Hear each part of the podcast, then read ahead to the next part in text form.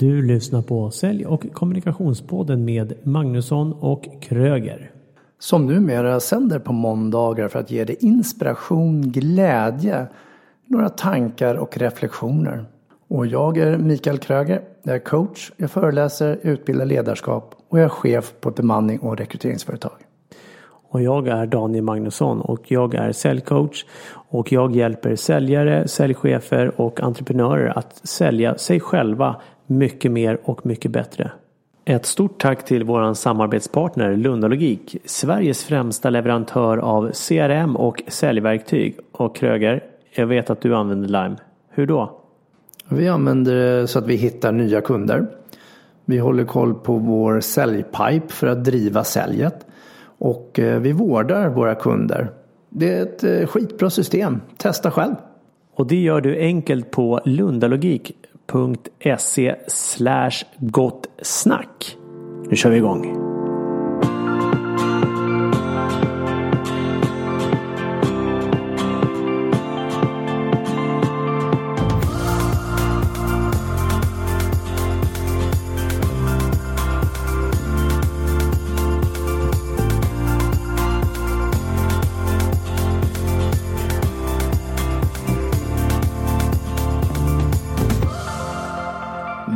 Välkomna till avsnitt 42. Och idag ska vi prata om surfa in i livet eller vågar du jobba hårt? Och det leder till framgång. Jag är Mikael Kröger. Och jag är Daniel Magnusson. Och det är så härligt att vara tillbaka här i studion med våran gäst. Som började som skådespelerska. Eh, var inte riktigt eh, fullt talangfull. Blev informatör och älskar scenen men fick ingen jobb. Hon blev säljare, hardcore arbete i 14 år för utbildning slutade som chef inom det området. Mr and Mrs Hamilton tävlar i uthållighet, terräng, orientering och paddling. 2000 startade hon ett eget utbildningsföretag, Hamilton Group. Hon älskar att stå på scen, föreläser om människors olikhet och kundbemötande. Hon är författare och utgivare till sex böcker, bland annat Ta skit och gör det till guld. Fundera på den du. Guldläge, så lyckas du som butikssäljare. Och även boken Tändvätska. Framgång, vad är det? Nästa bok som hon skriver på nu handlar om relationer. Hur hittar du din nästa partner och hur undviker du separationer eller skilsmässor? Hon bygger och skapar bolag, älskar försäljning och är en av Sveriges bästa och mesta bokade föreläsare. Välkommen till studion, Annika R Malmberg. Tusen tack. Det är så underbart. Alltså det här är en av våra längsta introduktioner som jag har haft, tror jag. Och jag känner någonstans någon form av pirr och stolthet. Alltså du är ju en kändis. Tack. Det är mm. fint. ja, men visst är det. ja. Långt hårt arbete bör väl någon gång betala sig, eller? Ja, det håller jag med om. Mm. Vad är din passion? Vad brinner du för? Att uh, få skapa magi på scenen. Det är uh, det absolut bästa som finns. Och kunna påverka människor till att vilja göra en förändring i sina liv. Och om jag lyckas med det så vet jag att då har det varit värt allt. Mm. Just när det glimmar till ögonen på människor och när du ser att det kommer, ah, jag förstår. Mm. En insikt. Och många gånger är det saker som många vet redan från början innerst inne men nu plötsligt så inser de vad de måste göra eller vad som behövs. Och det, det är fint. Så underbart. Och så tänker jag på alla människor som har en dröm. Mm. Vill stå på scen. Vill våga göra det som du gör. Om vi bara direkt ska slänga oss in i tipsen. Vad ska jag göra för att våga ställa mig på scen inför de här tusentals personerna som du har föreläst för under de här åren? Eh, att kunna någonting, att ha ett ämne skulle jag vilja börja med. Att det finns någonting jag vill förmedla och att jag också har en story eller en kunskaps, ett kunskapsområde som jag kan förmedla så att jag verkligen ger någonting. Det ska ju inte bara vara för mitt höga nöjes skull att jag tycker om att stå där utan någon måste jag ha glädje av. Att jag alltid tänker på målgruppen. Jag vet ni har pratat om det tidigare men vilka pratar jag för och what's in it for them. Det ska jag ha med mig. Men sen så är det ju att träna. Eh, och eh, ja, det är mycket träning och inse att det kanske inte är bra från början men det kan bli helt fantastiskt bra om du bara ger en chans. Så ja, återigen, inga genvägar. Nej. Så uh, ha ett ämne, ja. träna och träningen på något sätt det är väl att ställa sig på scen också ja, du får lite buarop och några tomater i ansiktet och sen blir du bättre och till slut så får du applåder och stående ovationer. Ja, och att du också kan ta det som jag skrivit om i en av mina böcker, det här med kritik. Att du kan vara öppen för att andra får uttrycka sig om vad gör du bra och vad borde du göra bättre. Och att jag kan ta till mig det och inte bli knäckt av det utan inse att okej, okay, men då får jag träna på de här sakerna, lära mig det här eller göra om. Eh, så. Men sen är det ju så att alla människor brinner ju inte för att stå på scen. Det är, vi är ju några som tycker det är jättekul men jag är ju väldigt medveten om att det där inte är ett drömyrke för alla. Utan det finns ju andra saker man kan göra för att bli framgångsrik. Och det är väl tur att inte alla vill stå på scenen. Det skulle vara hemskt, eller vad säger ni? Eh, jag skulle säga att det skulle vara väldigt trångt. Jag gillar också att stå på scen. Ja. Eh, nyfiken fråga, när du får kritik. Ja. Alltså, det behöver inte vara på scen utan det kan ju vara kritik generellt sett. Eh, någon person säger till dig ungefär i stil med Man tycker att du gör ett dåligt jobb mm. när du står på scen. Ja. Hur gör du då? Just den feedbacken har jag ju inte fått. Eh, om jag skulle få den så skulle jag nog börja med att inte gå i försvar. Jag kanske skulle tycka så här att nej, det där var orättvist eller det stämmer ju inte eller var kommer det ifrån? Och så märks det kanske att jag, går, att jag blir störd av den kritiken. Men eh, det skulle jag inte bli, utan jag skulle nog bli väldigt professionell i det läget. Och tänka att jag vet ju det att när man får kritik så ska du ju inte svara utan du ska ju bara lyssna och landa och låta personen prata färdigt. Men sen skulle jag absolut vilja veta, eh, då måste jag, du tala om för mig, vem är det som har sagt det, i vilket sammanhang och vilka refererar du till och vad exakt är det? Mm. Så att eh, om inte personen som ger mig feedback specificerar så begär jag det. Och det är väl också det jag menar med det här ta skit och göra det till guld. Jag menar inte att man ska få kasta vad som helst på en person. Men du ska ju kunna särskilja vad är det egentligen de, de säger. Alltså, är det bara ett påhopp? Eller finns det en omtanke om dig? Att det är någonting som du skulle kunna göra annorlunda? Och jag säger inte att jag inte behöver ha feedback när jag står på scen. Det finns säkert saker som jag behöver korrigera och ändra. Eh, men då vill jag ju veta att du vet att det är något som du säger till mig för att du vill hjälpa mig. Inte för att du vill sänka mig. Så intentionen är god. Ja. Och eh, jag tänker att all feedback är ju egentligen bra. Sen kan det göra ont på olika sätt. Ja. Eh, samtidigt är det ju en form av bekräftelse. För det är ändå någon som har tagit tid mm. och lyssnat på mig eller på dig eller någon annan och så, och så ger en återkoppling. Ja. Eh, så på det sättet så kan jag gilla feedback. Sen kan det svida emellanåt. Och en reaktion skapa. kan ju vara väldigt bra. Att det har hänt någonting med människor. Mm. Att eh, hellre att de blir förbannade att det inte händer någonting i så fall. Så det kan ju vara ett syfte ibland att du vill provocera. Så kan jag ju jobba ibland på scen också. Att eh, jag vill få människor att, ja, det ska hända någonting med dem. Och då kan man ju ibland vilja utmana dem. Och det tycker jag bara är spännande. Idag, jag kan säga så, så har det inte alltid varit. Men nu har jag jobbat i närmare, ja jag började ju 88, vad blir det då, 28 år. 88 höll jag min första utbildning, så nu är det ju ganska många år jag gjort det här. Och i början var jag livrädd och skrämd och ville att alla skulle tycka om mig. Och jag trodde varje morgon att eh, det här kommer gå åt skogen och hade ont i magen och så var det en lättnad varje dag, det hade gått bra. Jag har inte alls den ångesten längre. Och jag vet att jag sa häromdagen till en grupp att det finns nog ingen människa som skrämmer mig längre. Alltså det kan vara någon som verkligen inte vill vara i lokalen eller som har blivit ditskickad eller som kanske är i ett läge där de inte upplever att de är nöjda med sig själva och det tar sig olika uttryck och det kan ju riktas mot den som står på scenen. Men det finns ingen sån situation som jag tycker är obehaglig läskig. Idag tycker jag nog mer det är fascinerande vad som, vad som kan hända med människor som är trängda. Och sen ser jag det som en utmaning att kunna hantera det på ett professionellt och bra sätt. Så det är nästan bara kul om någon säger emot mig. Men det händer inte så ofta. Nej. Det är ingen som vågar. Jag tänkte säga så välkommen till Studio Sälj och kommunikation där vi utmanar. Ja, vågar ska vi göra utmana. det ikväll? Det kommer vi göra. Ja, bra. Och där tänkte jag släppa in Daniel och se hur ska han utmana dig? Om det är någon som i, i något fall har ett problem i publiken så är det återigen deras utmaning och deras problem.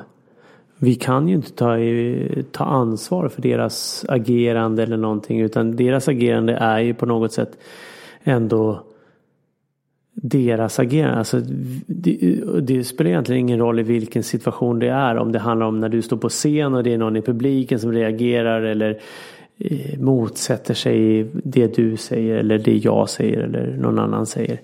Utan det är ju eh, deras verklighet på något sätt. Mm. Men det här är ju något som inte behöver bara hända personer som står på scen, precis som du säger. Det kan Nej. ju vara, om man lyssnar på det här nu så kan man ju bara tänka på jobbet och en, eller en situation, en, ett socialt sammanhang när någon blir provocerad eller reagerar väldigt kraftfullt och starkt. Att man bör stanna upp en stund och fundera, är det här egentligen, handlar det om mig? Eller det kanske är, sitter hos den personen. Mm. Om, som, som en kritik i det fallet? Ja, just det. Eller att någon får, ja, säger någonting som inte är så roligt att höra. Mm. Och det är det jag menar att ibland så får du ta emot feedback och skit som är eh, som egentligen inte handlar om dig utan det handlar mer om den personen eller någon vill komma åt dig eller skada dig och det måste man vara otroligt observant på. Det är allt ifrån härskartekniker till när man är utsatt eller mobbing också. Men eh, det är inte det som jag pratar om i min bok utan där är det ju mer det här att det är så lätt att slå ifrån sig kritik och säga att sån skit ska inte jag behöva ta och människor är så oförskämda och folk säger grejer på ett otrevligt sätt och så är det många gånger när folk är upprörda. De ger mig kritik men det finns ändå någonting i den här kritiken som jag borde ta till mig. Och vi är inte så bra i Sverige på att ta till oss kritik och höra vad andra säger. Varför då? Eh, ja, men det har att göra med att det gör så ont och vi, inte, eh, vi, vi kan för lite om våra försvarsmekanismer så vi vet inte riktigt vad som händer med oss när vi får kritik. Utan vi manipulerar oss själva på ett sätt att tro att det är du som är idiot eller jag har ju inte gjort något fel eller världen är orättvis eller jag blir offer eller jag börjar gråta. Och, och där, jag har massa olika sätt att reagera på när jag får kritik. Det här mänskliga beteendet är ju fascinerande egentligen när vi är utsatta och trängda vad som händer med oss.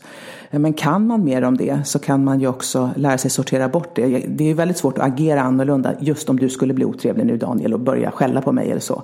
Att just det här och nu. Vad håller du på med? Ja precis, och sortera ut det här nu är ju jättesvårt. Men om jag kan lite grann om det så kan jag när jag kommer hem ikväll fundera på vad hände egentligen när Daniel sa så till mig? Varför reagerade jag som jag gjorde?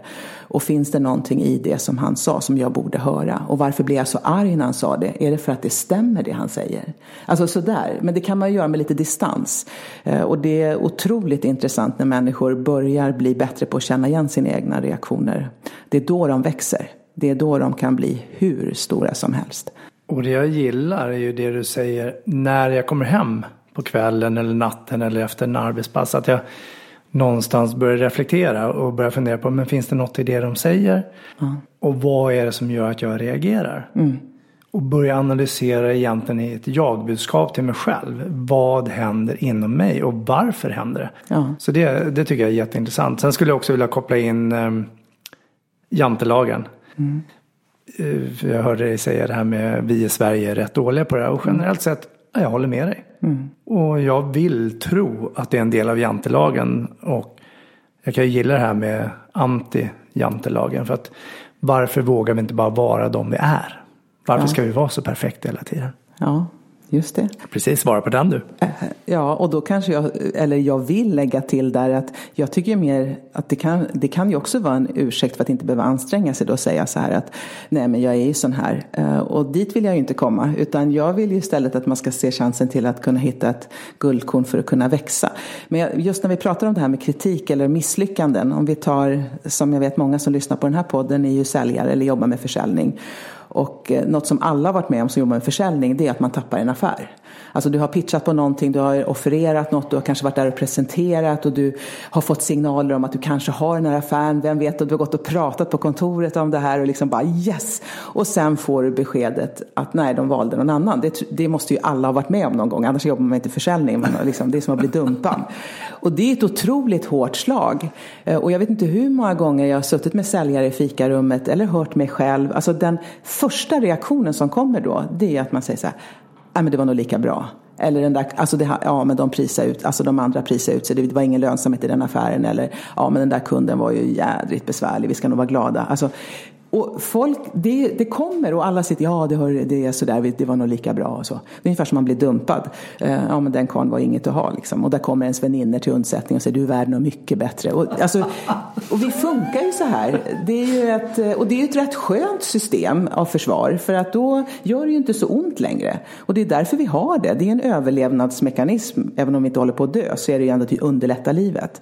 Men om vi inte känner igen de här försvarsmekanismerna så kommer vi få mycket jobbigare att få framgång i livet. Eftersom då kan ju hela livet bli att det är, jag vill ändå inte ha det. Det är lite grann där surt. Jag nådde inte de här jädra rönnbären eller vindruvorna för att, och då säger jag nej men jag vill ändå inte ha dem. Och sen går jag vidare istället för att fråga mig okej okay, jag nådde inte rönnbären, jag fick inte det här affären. Och det kanske är så, det är så här jag vill att säljare ska tänka. Det kanske är så att den kunden var jädrigt jobbig. Och det kanske inte var optimal lönsamhet i den här affären, det kan vara så.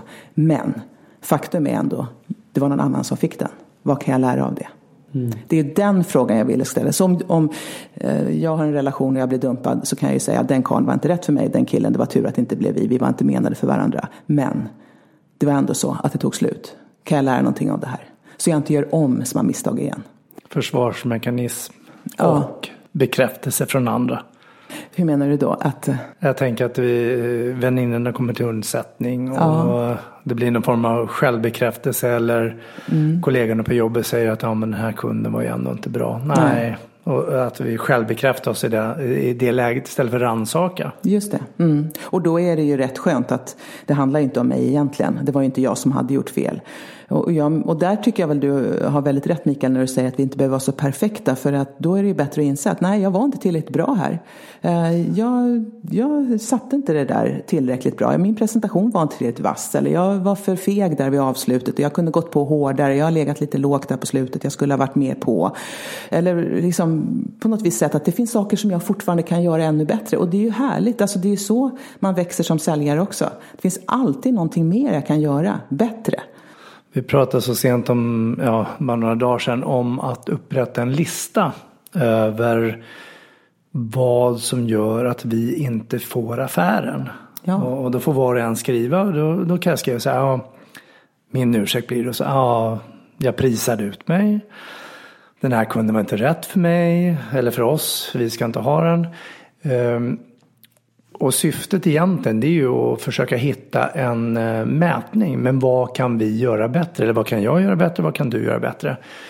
Och det handlar inte om att vi ska döma någon utan att hitta möjligheten att till nästa affär och eller samma affär göra annorlunda. Just. Och då går vi in på mera jag-formen istället för att generalisera och döma utifrån att vi håller alla med om den här ja, kunden var inget mm, bra ja, för men oss. Det, är jätte, och det, det där är en övning som man vill att alla ska göra. Det är kanske därför man ser att utvecklingskurvan hos nya säljare ofta är mycket brantare och högre. Det går fortare att få en ny säljare att lyckas än att få en erfaren. För att en erfaren har mycket mer en bild av sig själv som de vill försvara istället. Jag tycker att de, när jag har haft säljträning eller jobbat med erfarna, skickliga säljare som verkligen har visat för andra att de är duktiga. Men det är först när de också kan säga, ja, jag har kommit hit för att jag är skicklig, men också trots att jag gör alla de här felen. Det är de som kan börja briljera och sopa banan med alla. Men det är väldigt få erfarna säljare som säger så, utan de vill ju bara tycka, jag kan redan allt. Eh, och det blir som ett misslyckande att skriva en sån lista, för jag har ingen sådana grejer, för jag, tar, jag är väl bra liksom. Och jag skulle ju då vilja att man var lite mer som du sa, att jag gör också fel. Och de här ödmjuka personerna, de blir ju oftast bäst och mest uppskattade av kunderna också. Jag tänker genast att det handlar om att släppa prestigen.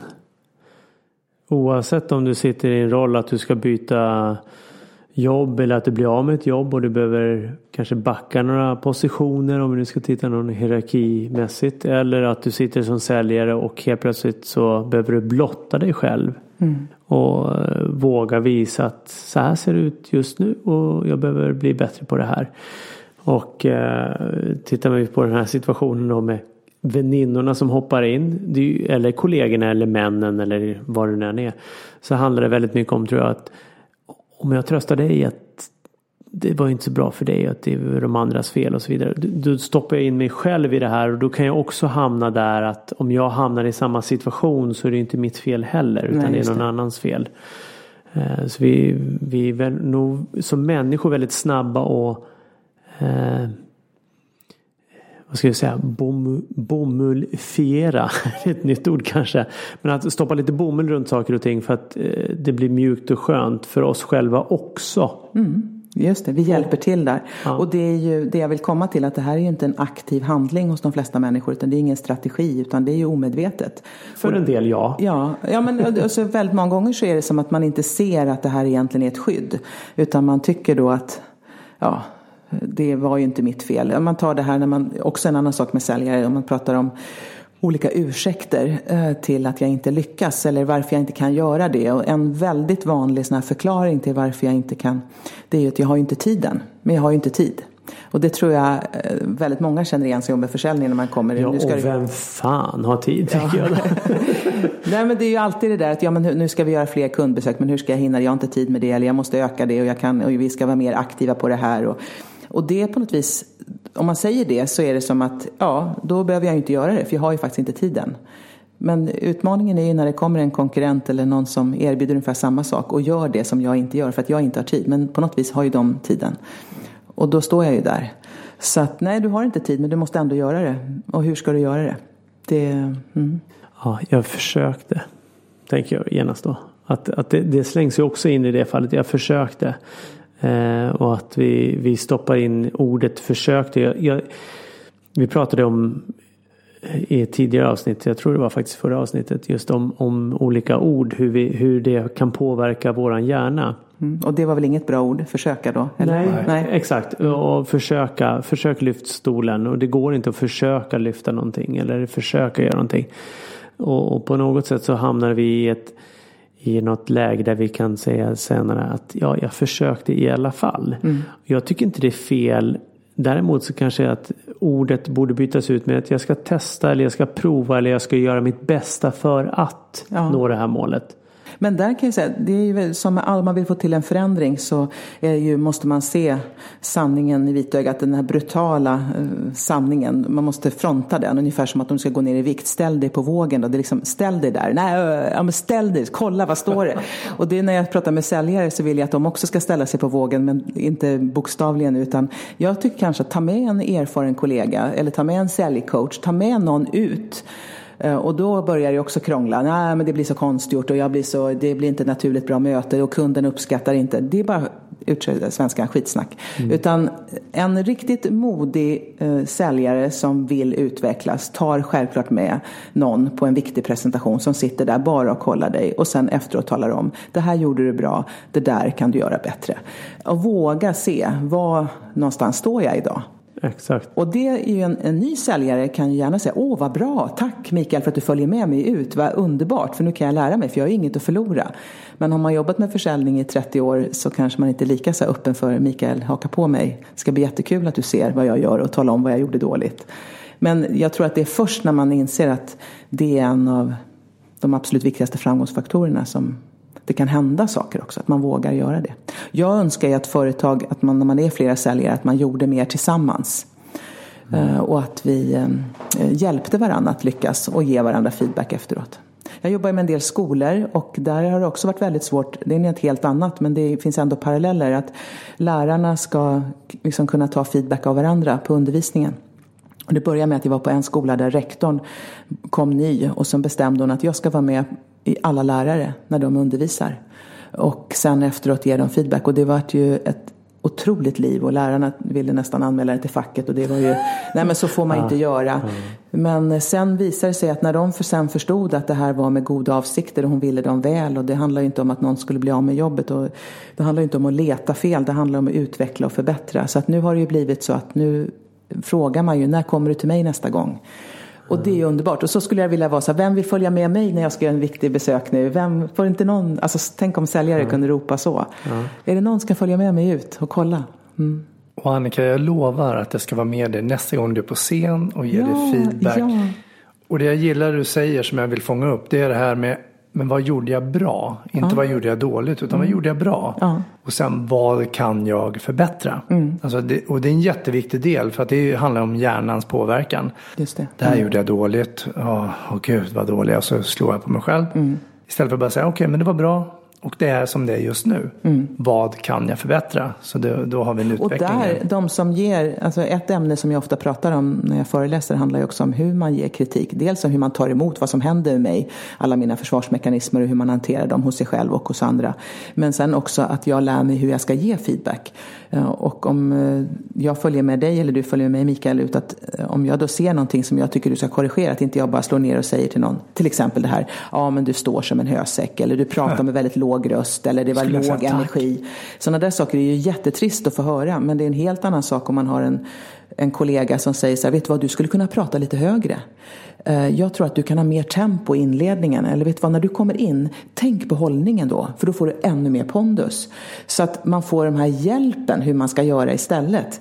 Än att någon bara talar om det där var kast, det där var dåligt. Och eh, det är ju tekniker för hur man gör det. Även en sån sak, rosa, risa, rosa. Att man börjar med att säga vad som är bra. Och sen går in och talar om det som kan förbättras. Ja.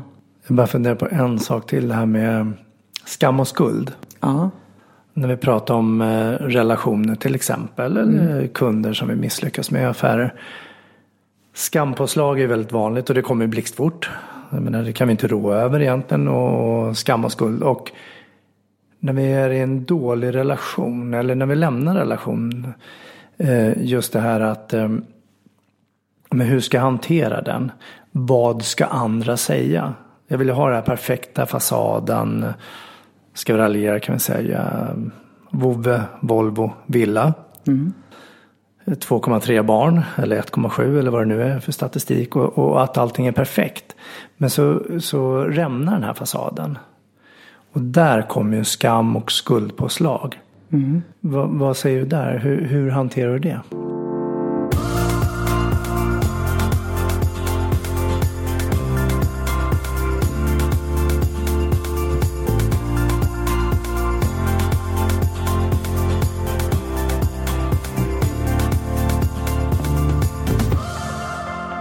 Först vill jag bara bryta in där. För jag, hellre har jag två än 1,73 barn.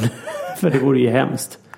Alltså, gud vad jobbigt. Säger Daniel och fick ett litet eh, skampåslag att han bara har ett barn och ett på väg. Ja, och förhoppningsvis blir det inte 0,73 utan blir 1,0 barn jag får Om det inte i februari. föds för tidigt. Ja, ja det är så du kanske säger. Men nu var jag nyfiken på vad Annika ska säga om det här med skam och skuld. Ja, det är intressant och också. Och kopplat då till hjärnan och vårt beteende och våran eh, ja, form av feedback. Eh, då skulle jag säga så här att just begreppet skam och skuld är också kopplat till eh, hur stark den där skulden eller skamkänslan blir är ju kopplat till det här som ni har pratat om tidigare med personprofiler och vem jag är. För det finns ju vissa människor som mer speglar sig i omgivningen hela tiden där det är väldigt viktigt vad andra tycker. Eh, och om man har den personligheten att jag är beroende av att få bekräftelse av andra och det är viktigt vad andra tycker. Då blir ju en skilsmässa och en separation eller att någon lämnar mig ännu mer tuff än om jag inte bryr mig om vad andra tycker. Så att eh, jag skulle säga att det där det gör olika mycket ont beroende på vem man är. Men kan vi styra det? Kan vi styra vad andra ska tycka? Eller alltså i min fantasi? Ja. För jag målar ju upp en bild av alla vänner och allt annat och kan jag styra det i min fantasi. Vad, vad ska andra tycka? För ofta är jag ganska elak mot mig själv och ja, tänker att andra ska säga att ha, där misslyckades du igen. Ja, du med affären, nu, på ja. scenen, i relationen. Mm. Och då, då skulle jag säga att om jag nu vet att jag är en person som värderar mig mycket utifrån vad andra tycker och att det, jag, det betyder mycket för mig vad andra tycker om mig och vad grannarna säger och vad, hur snacket går. Och jag vill bara komma till att alla människor tänker inte så. En del bryr sig inte. Det är inte det som är problemet. Det är andra praktiska problem som de har att brottas med vid en skilsmässa. Men det finns många som... vem ska lämna, vem ska hämta? Ja, och så nej, men precis. Och ekonomin och så. Men jag vet att det, det är många som tycker det här som du säger Mikael är jättetufft. Och då skulle jag ju vilja att man också insåg att okej, okay, det här är för att jag är en person som just nu kanske också upplever mig, jag blir väldigt sårbar och jag blir nästan lite självcentrerad i det här. Och inse att det är ju för att jag är sån. Det är inte säkert att alla andra tänker så mycket på mig som jag just gör nu. Eh, och det kanske inte är att, ja sorry, men så viktig är jag inte i mina grannars och mina vänners ögon att de pratar om mig hela tiden. Att jag på något vis eh, jag försöker få eh, lite balans i det här. Hur mycket pratar folk egentligen? Och, så det är en sak. Det skulle vara en nyckel för mig. Men den andra sen skulle ju vara det här att ja, fine, jag har misslyckats. Det här det är bara att inse. Ja, den här relationen gick inte bra. Och nu ska jag se till att göra någonting bra. Men hellre att jag tar, betalar det priset och står med skammen här att det här inte lyckades och gör någonting bra nästa gång. Än att jag är kvar i en relation som inte är bra för mig eller mina barn. Och, det, och då får man ju bara säga att nej. Och jag har ju själv gått igenom en skilsmässa och kan ju verkligen säga att jag lyckades inte i mitt första äktenskap. Eh, det kan jag inte göra någonting åt. Det går inte att förklara bort heller. Jag vill inte lägga skulden på någon annan. Nej, det funkar inte. Men som du säger här att ibland skulle vi bara vilja säga till andra människor, men för det bövelen. Mm. Det är ditt, ditt liv, ditt ansvar just nu. Och ingen annan har egentligen tid att tänka på det. För att vi är så självupptagna att tänka på oss själva. Så att det är ingen som egentligen bryr sig. Men om vi skulle säga det, eller om jag skulle säga det till någon vän som har gått igenom en separation eller misslyckats med en affär eller vad det nu kan vara. Då kan ju det framstå som ganska hårt. Men jag vill ju tro att det är ju sanningen. Ja. I viss del. Och eh, det kan vara bra ibland att man får höra sådana saker. Det, det finns ju något, man pratar ju om det här med livet består av eh, situationer som är mer trevliga och andra situationer som är min, mindre trevliga. Olust och vällust om man vill uttrycka det så. Och det finns något som heter nödvändig olust. Den måste man igenom ibland. Alltså ibland händer saker i livet som inte är så angenäma. Men det är, det är tough shit liksom. Gå igenom det. Och det här är väl också något som jag tycker man ska lära sina barn. Nu har jag ju vuxna barn, de är ju 21 och 23 år. Men det tycker jag är en av de viktigaste lärdomarna man kan ge sina ungdomar. Att det kommer vara tufft emellanåt. Men det är inte farligt. Och du kommer gå på pumpen och du kommer bli så otroligt besviken och ledsen. Och du kommer inte vilja gå upp på morgonen. Så är det ibland. Men det är också en del av livet. Som är födda 91 och 93. Vad sa du? 91 ja, dina, nej, 93 och 95. 21 och 23. Ja, förlåt. 93 och 95. Ja. ja. Underbart. Alexandra och Henrik. Mm. Min senaste bok Tändvätska skrev jag ju till dem. Och den, för jag sa till dem att den här boken är den som jag själv skulle vilja haft när jag skulle ut i arbetslivet. Den hade hjälpt mig då när jag var ung att snabbare ta reda på vem är jag, att inte jämföra mig så mycket med andra och se vad det är för styrkor som jag har. Och sen också kunna navigera bland alla människor och hantera misslyckanden och motgångar på ett bättre sätt. Så eh, om man kan ge dem en eh, hjälp ut i livet så var det det. Så den har ju visat sig vara väldigt bra för unga människor just. Som eh, ska hitta rätt. Jag tänker också att den är bra för människor som är ovisa i, i sina tankar vad, vad de vill. Mm. Egentligen. Vad, vad vill jag nu? Det kan ju vara att man hamnar i ett vägskäl i form av att jag vet inte vad jag ska ta vägen i, i nästa steg i mitt liv. I form av arbeten och liknande. Mm. För du pratar ju mycket också just runt styrkor. Att ta fram styrkor. Eh, och då blir min fråga genast, har du testat Strength Finder-testet? Ja, jag har. Marcus Buckingham, är det ja, han du med, tänker på? Med Gallup. Ja, uh-huh. jag har träffat Marcus i, vi åker ju till USA nu nästan varje år på en stor konferens och han är ju väldigt eftertraktad där och en känd talare. Jag pratat med honom flera gånger och det, det materialet är ju bra. Tyvärr är det så att med det materialet att man får ju inte använda det som practitioner, alltså som konsult om du inte använder det inhouse. Alltså de vill ju inte ha konkurrenter. Så vissa av de här materialen som finns, det finns jättemånga bra verktyg i USA för personlig utveckling och för att bli bättre som säljare och allting. Men då måste du vara ett stort företag som köper in det. Du får mm. inte ha det som konsult. Så att, eh, jag har inte jobbat med det aktivt så, men jag har köpt in det för egen del. Då. De, ja. Eh, ja. För, just, för just det testet, Gallup uh, Strength Finder, mm. finns ju att göra. Och jag, jag, vi kan lägga upp en länk på vår hemsida magnussonkroge.se. För där Eh, jag tycker ett av de bättre testerna, det finns massor med tester och analyser och alltihopa. Just det tar ju fram dina topp fem styrkor mm. av 34 styrkor. Och när jag gjorde det testet så fick jag så här. Nu förstår jag varför jag tycker det här är roligt det jag gör. Mm. Och, och, det kan vi ju också läsa i din bok där, Tändvätska, att just att eh, det handlar väldigt mycket om att hitta sina styrkor och veta vad, vad är det jag tycker är kul. Just det. För att annars så hamnar vi kanske i just att vi, det är lätt att ta på sig en offerroll och så vidare när vi kanske inte är riktigt nöjda med våra situation och så vidare och att vi blir utbrända. Ja. Och frågan är ju då vad är utbränd och vad är inte utbränd? Ja. Och det pratar jag gärna om. Jag skulle vilja lägga till där en sak som är när människor blir besvärliga, och det pratar man ju om besvärliga människor eller folk som man tycker är jobbiga att umgås med eller som är svåra att hantera, sälja till eller ha som kollegor. Ja, det, är ju, det är ju sådana som inte gör som jag säger helt enkelt. Jag skulle säga så här, ja det kan det vara och det är ju alltid jobbigt eller som inte tänker som jag. Men de flesta människor som blir jobbiga att vara med, det kan vara en partner, det kan vara en vän, det kan vara någon på jobbet. Det är en människa som just nu eh, inte, som känner sig i underläge eller på något vis inte klarar av sitt jobb. Eh, det kan man säga direkt överallt där människor, säljare som inte säljer så bra, det blir de här går samman dåliga säljares klubb. Alltså det, det, det, är inte bra för dig själv att inte prestera bra och göra ett bra jobb. Eh, så att då vill jag ju vända på det med min bok Tändväska. Se till att du inte hamnar där för länge, att du är i en roll där du inte klarar av ditt jobb, utan se till att du är, hamnar någonstans där du kan göra ett bra jobb och få hjälp av andra att kunna prestera och leverera och göra det du vill. Men då gäller det att du tar reda på vad är det egentligen jag vill göra och vad, vad passar jag för? Mm. Och sen är det också det här att det finns så väldigt många människor som talar om för oss vad vi borde göra. Allt ifrån föräldrar till allmänna tyckare till åsikter om vad som är rätt och fel. Och, och tittar man på en ung människa men även de som är äldre kan ju ibland bli väldigt osäkra. Vänta nu, är det här rätt för mig? Du kan ju prata om mindfulness nu och tycka att det är helt rätt och nu ska vi hålla på, man måste liksom lugna ner sig. Och, och jag hör det här så mycket så jag börjar tro att det är kanske det jag ska göra. Är det därför mitt liv inte är lyckligt för att jag inte gör det här? Men det kanske inte alls är rätt för mig. Det kanske är rätt för den personen som säger det.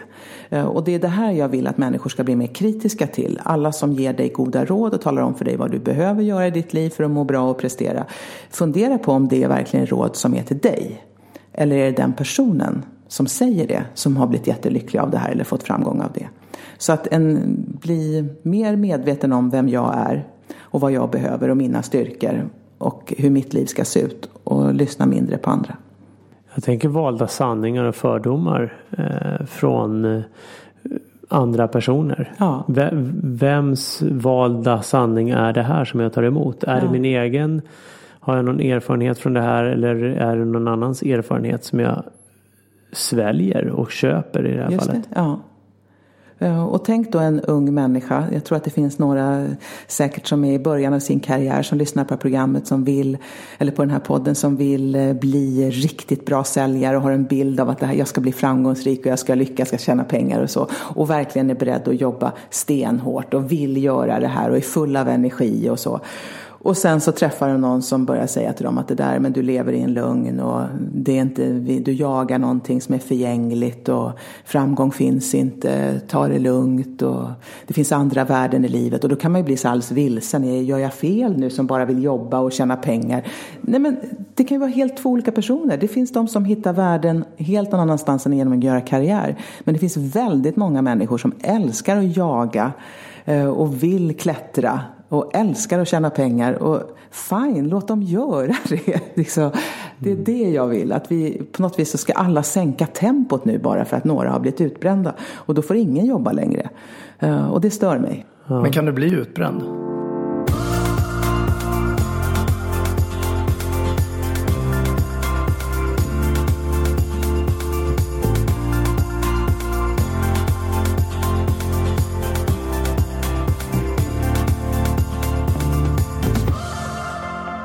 Kan du bli utbränd? Jag, Annika. Nej, inte just du, du, men generellt sett människan. Ja, det tror jag absolut att man kan eh, inte känna, att man är, om man är dålig på att känna av sina eh, signaler. Liksom, alla människor kan ju komma till en gräns att nu är det för mycket. Men det som händer med de flesta av oss är att vi får ju signaler. Kroppen har ju ett utmärkt system att signalera till dig att du borde sakta ner tempot.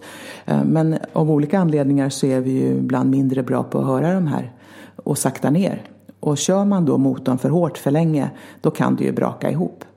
Men jag vill nog påstå att väldigt många människor är aldrig uppe där ens vid det man menar med, alltså när stresspåslaget är max. Utan eh, vi ligger liksom och, ah, vi tar inte i liksom. Och det kan också, att inte ta i, att inte ens försöka och leva i livet med massa ursäkter till varför jag inte blir det jag borde bli, kan ju utlösa samma typ av stress och obehag som att jobba för mycket. Och jag tänker att vi skulle kunna få ett väldigt påhopp i den här podden från de som vet och de som kan och de som har varit utbrända. Genom att jag skulle säga det så här att jag tror inte på utbrändhet. Alltså jag, Mikael, tror inte på utbrändhet. Utan jag tror att det handlar om en avgränsning och en förmåga att kunna styra det vi gör. Sen kan du nötas in i någon form av stress och annat där du kanske till slut inte eh, förmår att göra någonting annat. Ehm, men jag tänker att det går att jobba väldigt hårt. Det går att jobba 30, 40, 70, 100 timmar i veckan. Så länge du har kul, så länge jag har kul på det jag gör så brukar jag kalla det för positiv stress.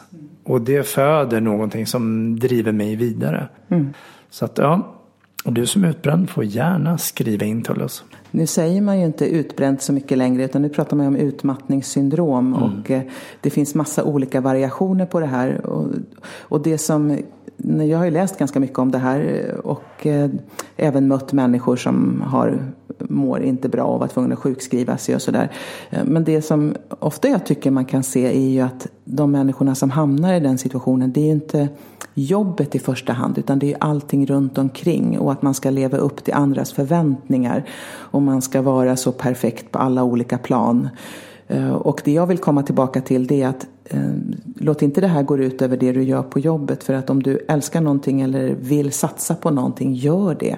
Och, och faktum är att jag tycker nästan det bästa rådet man kan ge till unga människor är att det kan ju ta 15 år för dig att lyckas men det kan också gå på fyra år om du jobbar hårt. Och, ja, så våga prova, ja, alltså, kör Kör nu då. Alltså nu, det är nu du kan, du har inga barn, eh, du har massvis med energi, du är förhoppningsvis hyggligt i god form fysiskt liksom, och du har inte så mycket annat att fokusera på just nu, du vill någonstans. Ja men kör! Det är inte farligt. Och det är det jag menar, att idag är det så mycket signaler om att det är farligt att jobba. Mm. Och det tror jag tyvärr är olyckligt för många unga människor som inte alls får förutsättningar att bli framgångsrika och riktigt lyckliga. För att de, inte, de vågar inte. Då ska de gå hem. Liksom. Det är farligt att jobba över så nu ska jag gå hem klockan fem. Nej, men, och ännu värre, tänk att sitta där någonstans när du är så 60, 70, 80 år och säga jag skulle ha gjort det annorlunda. Ja. Jag skulle ha jobbat hårdare, jag skulle vilja ha gjort ja. något. Ja. Och sen, ja men se livet i faser. Så att eh, sen finns det perioder när du eh, vill vara med med dina barn och då ska du ju liksom ha skaffat sig ett sånt liv så att du också har förutsättningar för att kunna ägna mer tid åt dem och ha den friheten. Och sen så, som jag har det nu, nu är inte några barn hemma längre. Nu är det bara att öka. Och jag har två frågor till dig just ja. nu. Den ena frågan är ett ord som du använde som jag tyckte var spännande. Nödvändig olust. Ja. Vad betyder det? Ja, men det är typ det vi började prata om. Att eh, när någon ger mig, eller säg så här att jag måste ta, jag har en kollega, jag kan ha en, en eh, jag har följt med en kollega ut på kundbesök eh, och sett att han gör massa ja, saker som man inte borde göra eller här finns det förbättringsområden. Och då vet ju jag att när jag tar upp det med dig så kommer inte det vara så kul för dig att höra.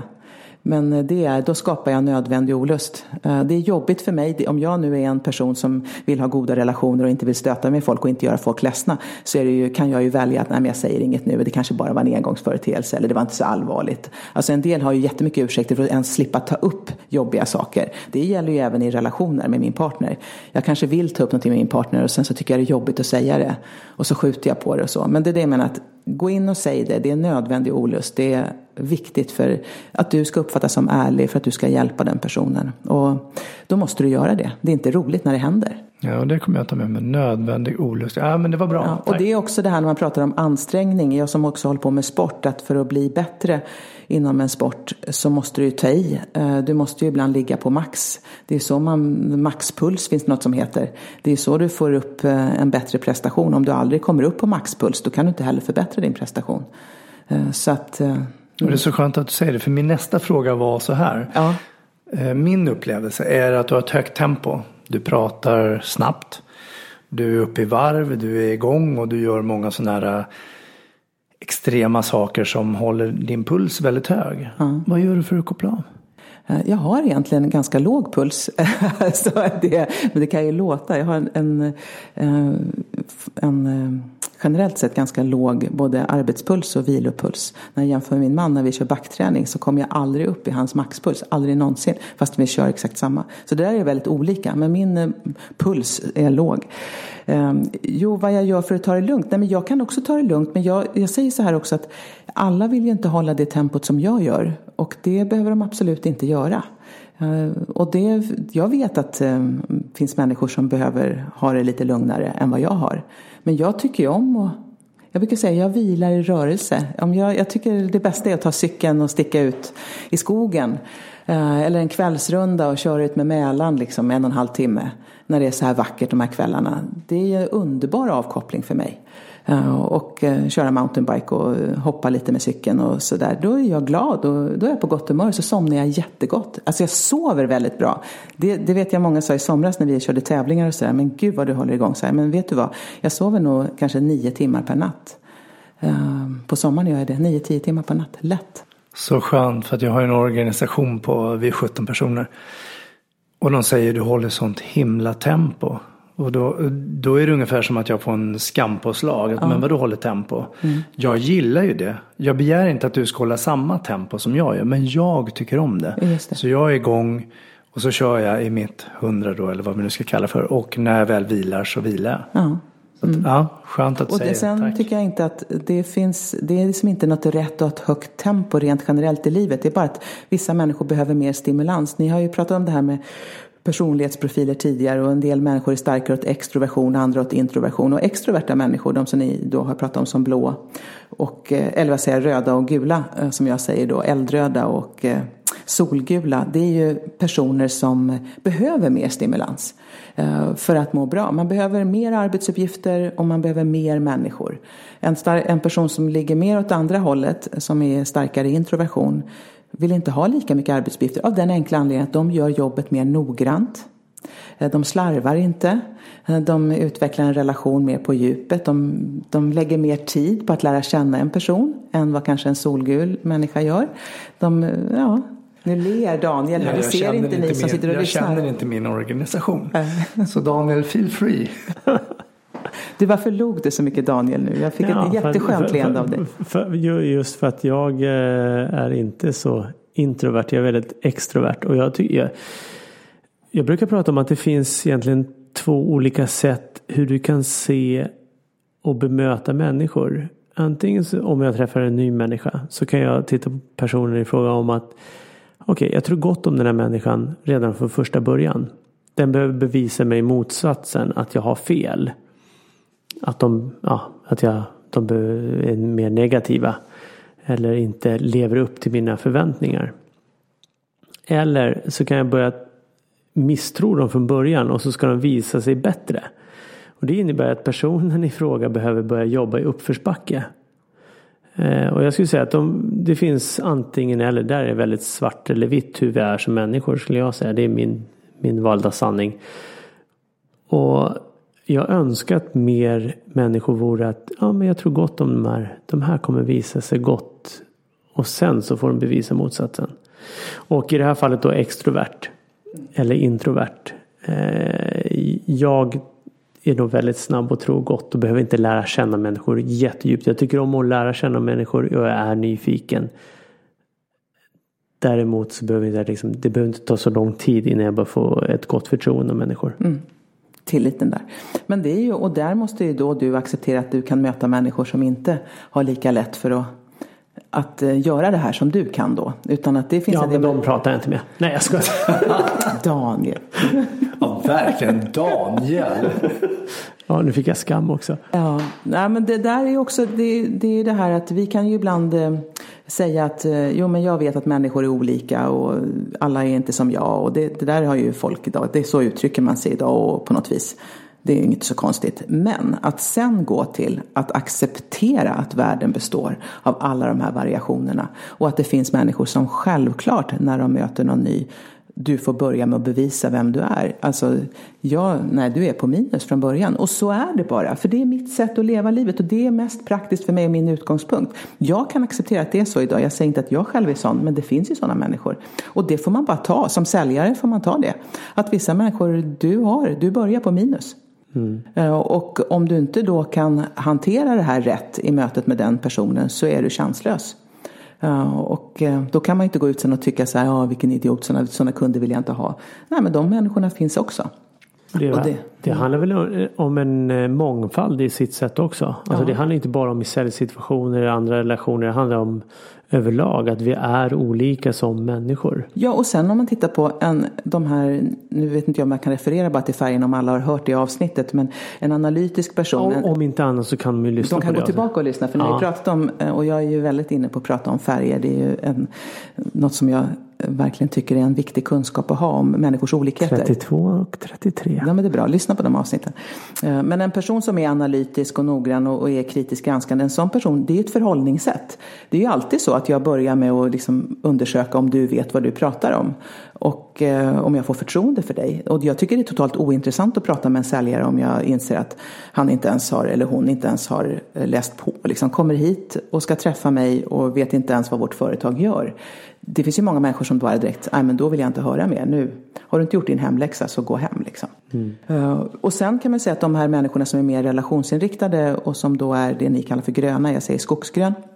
Det är ju en person som kanske inte alls är lika öppen för nya människor, även om de gillar människor. Men det har, de är ju mer försiktiga. Och det har ju att göra med att de vet ju att en del människor kan göra dem illa. Det kanske inte en solgul eller en gul person har upplevt. för Du har inte släppt in människor så nära på det sättet eller liksom har lyckats hantera det. Men det finns ju faktiskt personer som är väldigt sårbara. De har gått in i relationer, de har haft möten med människor som har utnyttjat dem, betett sig illa. Eller det var bara till någon annans villkor. Och därför är jag mer på min vakt. Jag kan inte ha det där fantastiska förhållningssättet som du har Daniel. Att, mm, tack. Nej, men att eh, jag, alla människor är goda. För jag vet att det är de inte. Jag har varit med om motsatsen. Och har man varit det med har om... även jag, ska ja, jag okay. tillägga. Ja, du har inte bara ja. mött... Nej. Men Nej. är du med på hur jag menar? Att Absolut. Det, då kan, det måste man också ha respekt för att en del människor är med på sin vakt. Mm. Absolut. För de är mer sårbara också. Du ska ja. alltid visa respekt och, och ha en, en eh, förståelse för att människor är olika. Mm. Definitivt. Eh, oavsett hur du själv är som person skulle jag säga. Ja. Och något som jag tycker då det här man kan ha väldigt glädje av i försäljningen det är ju att eh, snabbt kunna läsa av vilken kund jag har framför mig och sen kunna anpassa mitt sätt att möta den här kunden så jag inte bara har ett sätt, liksom tjena tjena eller det här en jargong som funkar ungefär på 40 procent av alla kunderna mm. men inte på 60 och så nöjer jag mig med det. Utan ibland får du bli mer professionell, ibland får du strikta upp det, ibland får du bli mer personlig. Ibland tar det längre tid, det här med tempo, hastighet och allt sånt, att man lär sig anpassa det. Men också att man tar med sig den kunskapen hem. Mm. När vi pratar om relationer, det som också jag tycker är väldigt spännande att prata om. Alltså hur man får bra relationer med vänner och sin partner och med sina barn. Att man också där accepterar att alla inte är ja då som du säger Mikael, alla har inte samma behov av att ha ett högt tempo hela tiden. Eller, vi definierar vad framgång är väldigt olika, även i en relation. Alltså vad jag vill ha i livet kanske inte är samma sak som min partner vill ha. Och det, vi, vi behöver liksom respektera det att vi ibland måste ge oss utrymme att få ge och vi behöver olika saker. Jag brukar säga det enkla tipset egentligen det är att spegla den andra människan. Ja. Håller du ett högt tempo, då håller jag ett högt tempo. Håller du ett lågt tempo, då håller jag ett lågt. Ja. Men det är inte så lätt i en relation. Nej. För att då måste jag ju göra om mig själv. Och det finns ju många som blir jätteolyckliga. För att jag, nu lever jag med en partner som är så här bara på och vill tävla och köra grejer. Så här, och så tänker jag att då måste jag också göra det för att det ska funka. Och så blir jag olycklig för jag gör våld på mig själv. Och det är där jag menar att man måste i en relation kunna se att vi ibland anstränger oss för att mötas. Och som min man då som inte tycker om att mingla. Det är typiskt sån solgul grej. Det, han tycker det är helt meningslöst att gå runt och småsnacka med folk och uh, kindpussas och dricka ett glas rosé. Det, och jag älskar det. Ja, och så. Och, men då vet ju han att ibland så ingår ju det i vår relation att han följer med på det. Vi är på någon födelsedagskalas och det är någon midsommarfest och det är någon 50-årsuppvaktning eh, eller vad det är. Och han följer med och han är supertrevlig. Han går runt och jobbar men han är helt slut när vi kommer hem. Och då är jag ju tacksam för att han inte har gnällt Eh, och inte liksom hållit på och suckat och stånkat och förstört kvällen för mig. Han har gått in och ansträngt det men jag fattar att det här är jobbigt för honom. Och jag begär inte att han ska följa med mig på alla grejer. Är, är ni med? Och så, så att man liksom kan se att det som jag får energi av behöver inte vara samma sak som min, energi, min partner får energi av. Och att man det ger är det du säger, i, i, en relation så följer vi med. Det är ungefär som dansa tango, vi behöver vara två. Ja. Vi följer med, vi offrar oss, vi ger och någonstans så får vi en symbios eller i alla fall att det funkar. Ja, för om jag märker att eh, det, han gör en eftergift för mig så är det ju mer lätt för mig att göra en eftergift för honom. Att, mm. och, så, och när man märker det i en relation att det är ett givande och tagande så är det, men man ska inte behöva göra om sig. Men däremot som säljare, då, där är play the game liksom. Där och det är där du... jag kommer in på speglingen. Spegla ja. den du möter. Ja, ha inte ditt tips. eget manus och var färdig utan mm Möt den människan du möter och lyssna in. Ja. Känn av. Och, och ta reda på lite innan. Det skulle jag kanske ge ett gott råd också. Att ibland kan man ju faktiskt om man bara är lite spion ta reda på lite. Vem är den här jag ska träffa? Är det någon som har träffat honom eller henne tidigare? Vad är det för människa?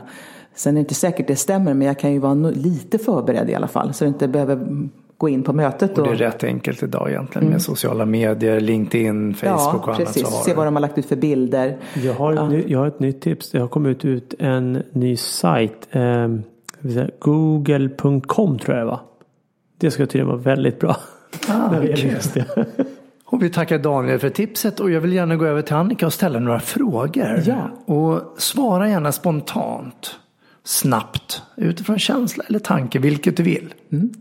Är du beredd? Ja. Vad är din favoritfärg? Röd. Vilken favoritsiffra har du? Åtta. Varför det?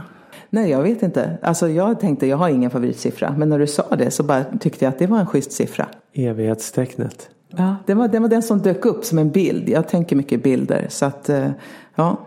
Och visst är det så skönt, egentligen vet du inte, men då hade jag sagt, jag vet att du inte vet, men om du visste, ja. då hade jag ändå svarat åtta. Ja, men det är så typiskt att jag då är röd, för då svarar jag. Hade jag varit blå hade jag inte svarat på den frågan. Du hade jag funderat. Nej. då hade du återkommit till avsnitt 118. Eh, ehm, om du skulle göra om någonting i ditt eget liv, vad skulle det vara? Då skulle det vara att jag hade Ja, det, men det är alltså, jag skulle vilja att jag hade fortsatt med dansen mer. Eh, så ja, det, jag skulle vilja dansa mer i mitt liv. Ja, underbart. Ja. Du ska få en sista fråga. Mm. Vilken hjärna skulle du gärna vilja göra ett studiebesök i? Eller vems hjärna skulle du gärna vilja göra ett studiebesök i? Oj, den vill jag ju tänka på. Nu kommer du jag vet inte, alltså vet du vad? Nu, det kan ju säga så här, jag vet inte om jag vill gå in i någons hjärna. Det låter så obehagligt. Jag får en så här, det, det, blir inga trevliga bilder. Jag vet att du tycker det är obehagligt, men om du tyckte att det skulle vara behagligt, vilken hjärna skulle du då gärna ja. göra ett studiebesök Man pratar om att jag vill ha ett samtal med någon och förstå hur de tänker egentligen. Det är det uh, det handlar om. Vem skulle det vara? Jo, eh, då går vi tillbaka till det här. Eh, en person som fascinerade mig oerhört mycket och som jag hade under lång tid som idol och sen träffade och blev så besviken på hur hon var. Eh, men det kan ju vara att det var en dålig dag. Det, jag vet inte ens om många lyssnare vet vem hon är. Hon står som staty utanför Dramaten. Margareta Krook. Ja. Och jag hade tänkt säga Birgit Nilsson, men jag förstår Margareta Krook. Är det hon som man lägger händerna på? Så alltså den här varm. värmen? Ja, men det var ju en skådespelerska som, ja nu är jag ju född 63 så att eh, ja, många har aldrig hört henne eller sett henne som är unga idag. Men eh, hon var ju väldigt stor när jag var ung. Och jag måste säga att det var en av de mest, jag hade de här skådespelardrömmarna så var hon ju fantastisk. Sen jobbade jag på Fina Fisken som servitris. Och sen fick jag henne, var hon där och åt. Så jag fick hennes bord. Och det var en sån besvikelse och jag hade velat prata om det, varför det blev så fel i vår relation. Vi skulle ju liksom bli vänner då, var ju tanken. Ja, nej men Margareta Krook, ja, jag, ska, jag vet ni om att när hon kom till teatern, om hon hade en föreställning klockan sju på kvällen, vet ni när hon kom till Dramaten? Fem i sju. Nej, hon kom klockan tolv varenda dag. Eh, och eh, hon eh, satt i sin loge och hon, det var hennes liv, teatern. Hon levde för det hon skulle göra och hon var en perfektionist. Och hon ville alltid leverera det bästa. Hon har svarat någon gång. Det är därför hon står där hon gör. För att hon gick ut och rökte. Så hon hade, tog ju pauser ibland. Då gick hon alltid och stod där på trappan och rökte. Men hon sa ju det att jag är inte alltid på humör att leverera. Men de som har betalat en biljett är värda att få en förstklassig föreställning. Och det tänker jag, det ska du ta med dig när du möter din nästa kund eller din nästa partner. Eller vän. Ja, du är inte alltid på humör. Men gör ditt jobb. Leverera. Men gud så skönt. Det här var nog första gången under podden som du gick ner i tempo i en form av djup reflektion och pratade om den här kvinnan. Mm. Underbart.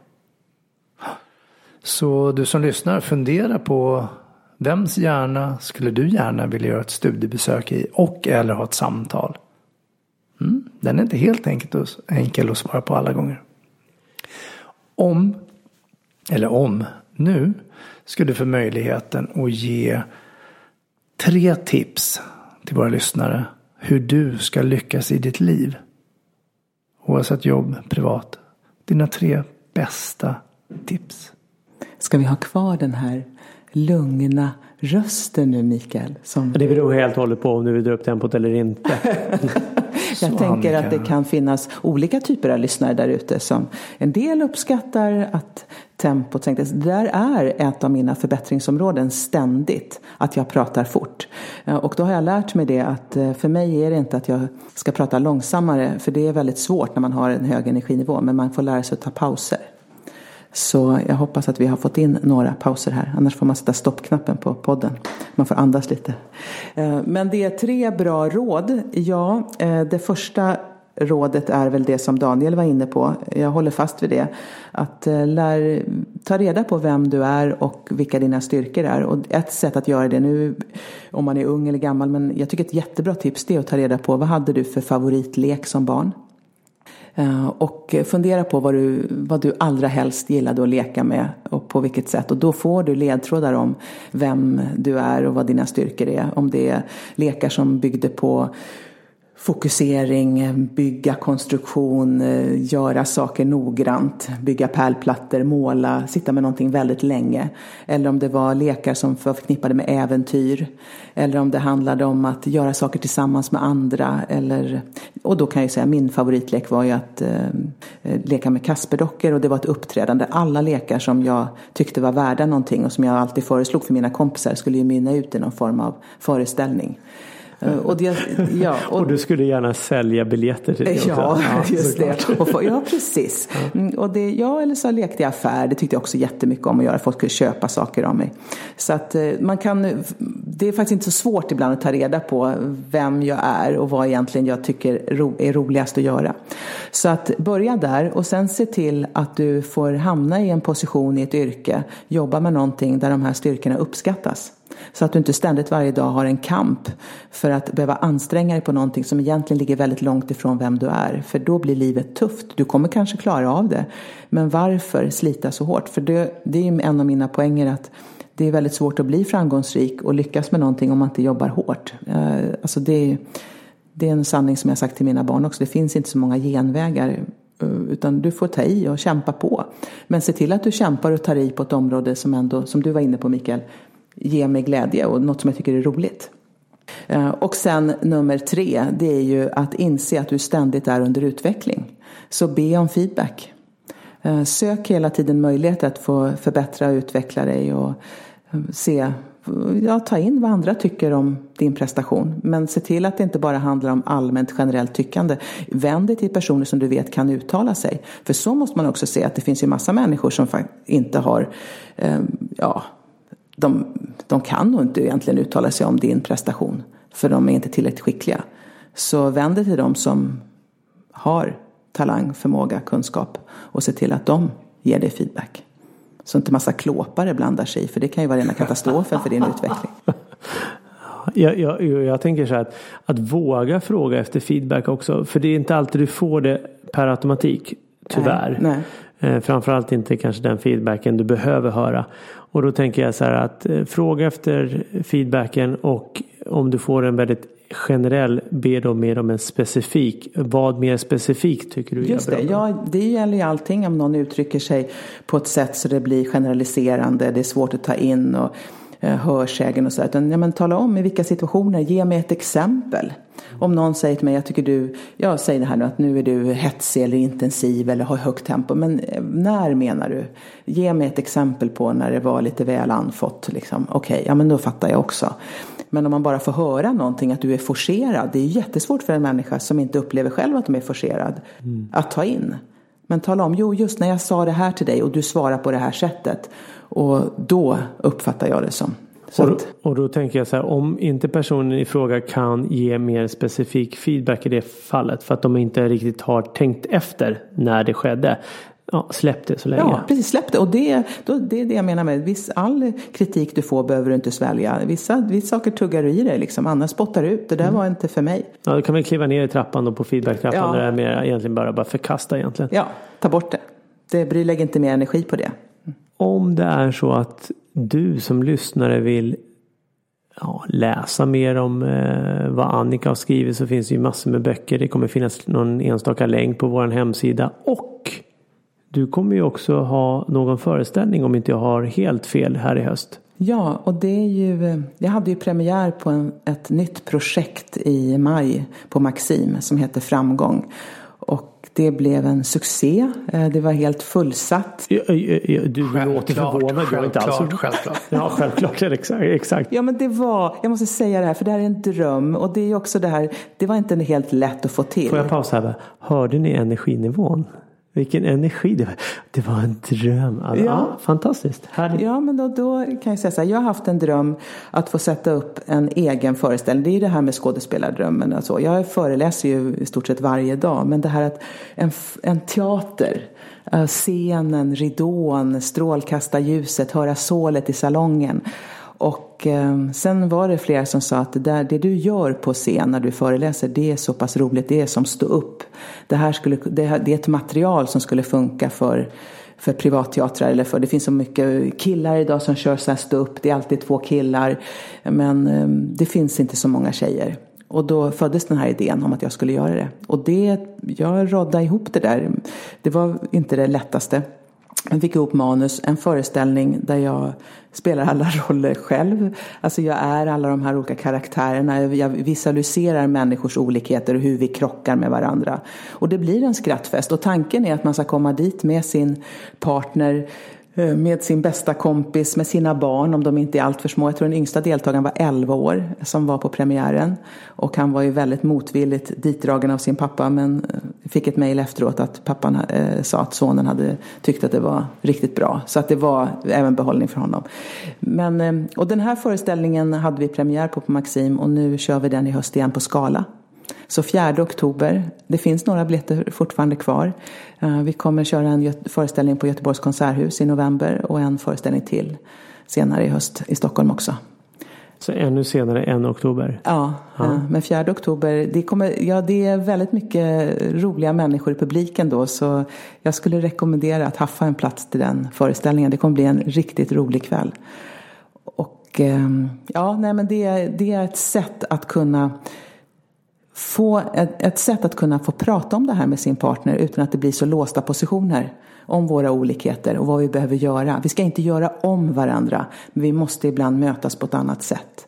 Och jag tror att, eller jag vet att många behöver höra det här. Och det kan göra en väldigt stor skillnad i många människors liv. Och är det så att man inte, man kanske inte har något problem idag, men det är väl bara härligt att få skratta en kväll och få nya insikter och inse att framgång är inte samma sak för mig som för dig. Och du som lyssnar har ingen aning om att Daniel och jag har fribiljetter till det här. Och vi har en biljett över. Så med bästa motivering så kommer du att kunna gå på det som snart är fullsatt. Alltså det har varit så mycket energi i den här studion så jag är alldeles här. Jag skulle kunna fortsätta flera timmar till.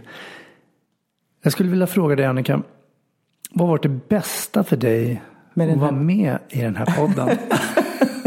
Visst är det skönt? Hon var på väg att ta över.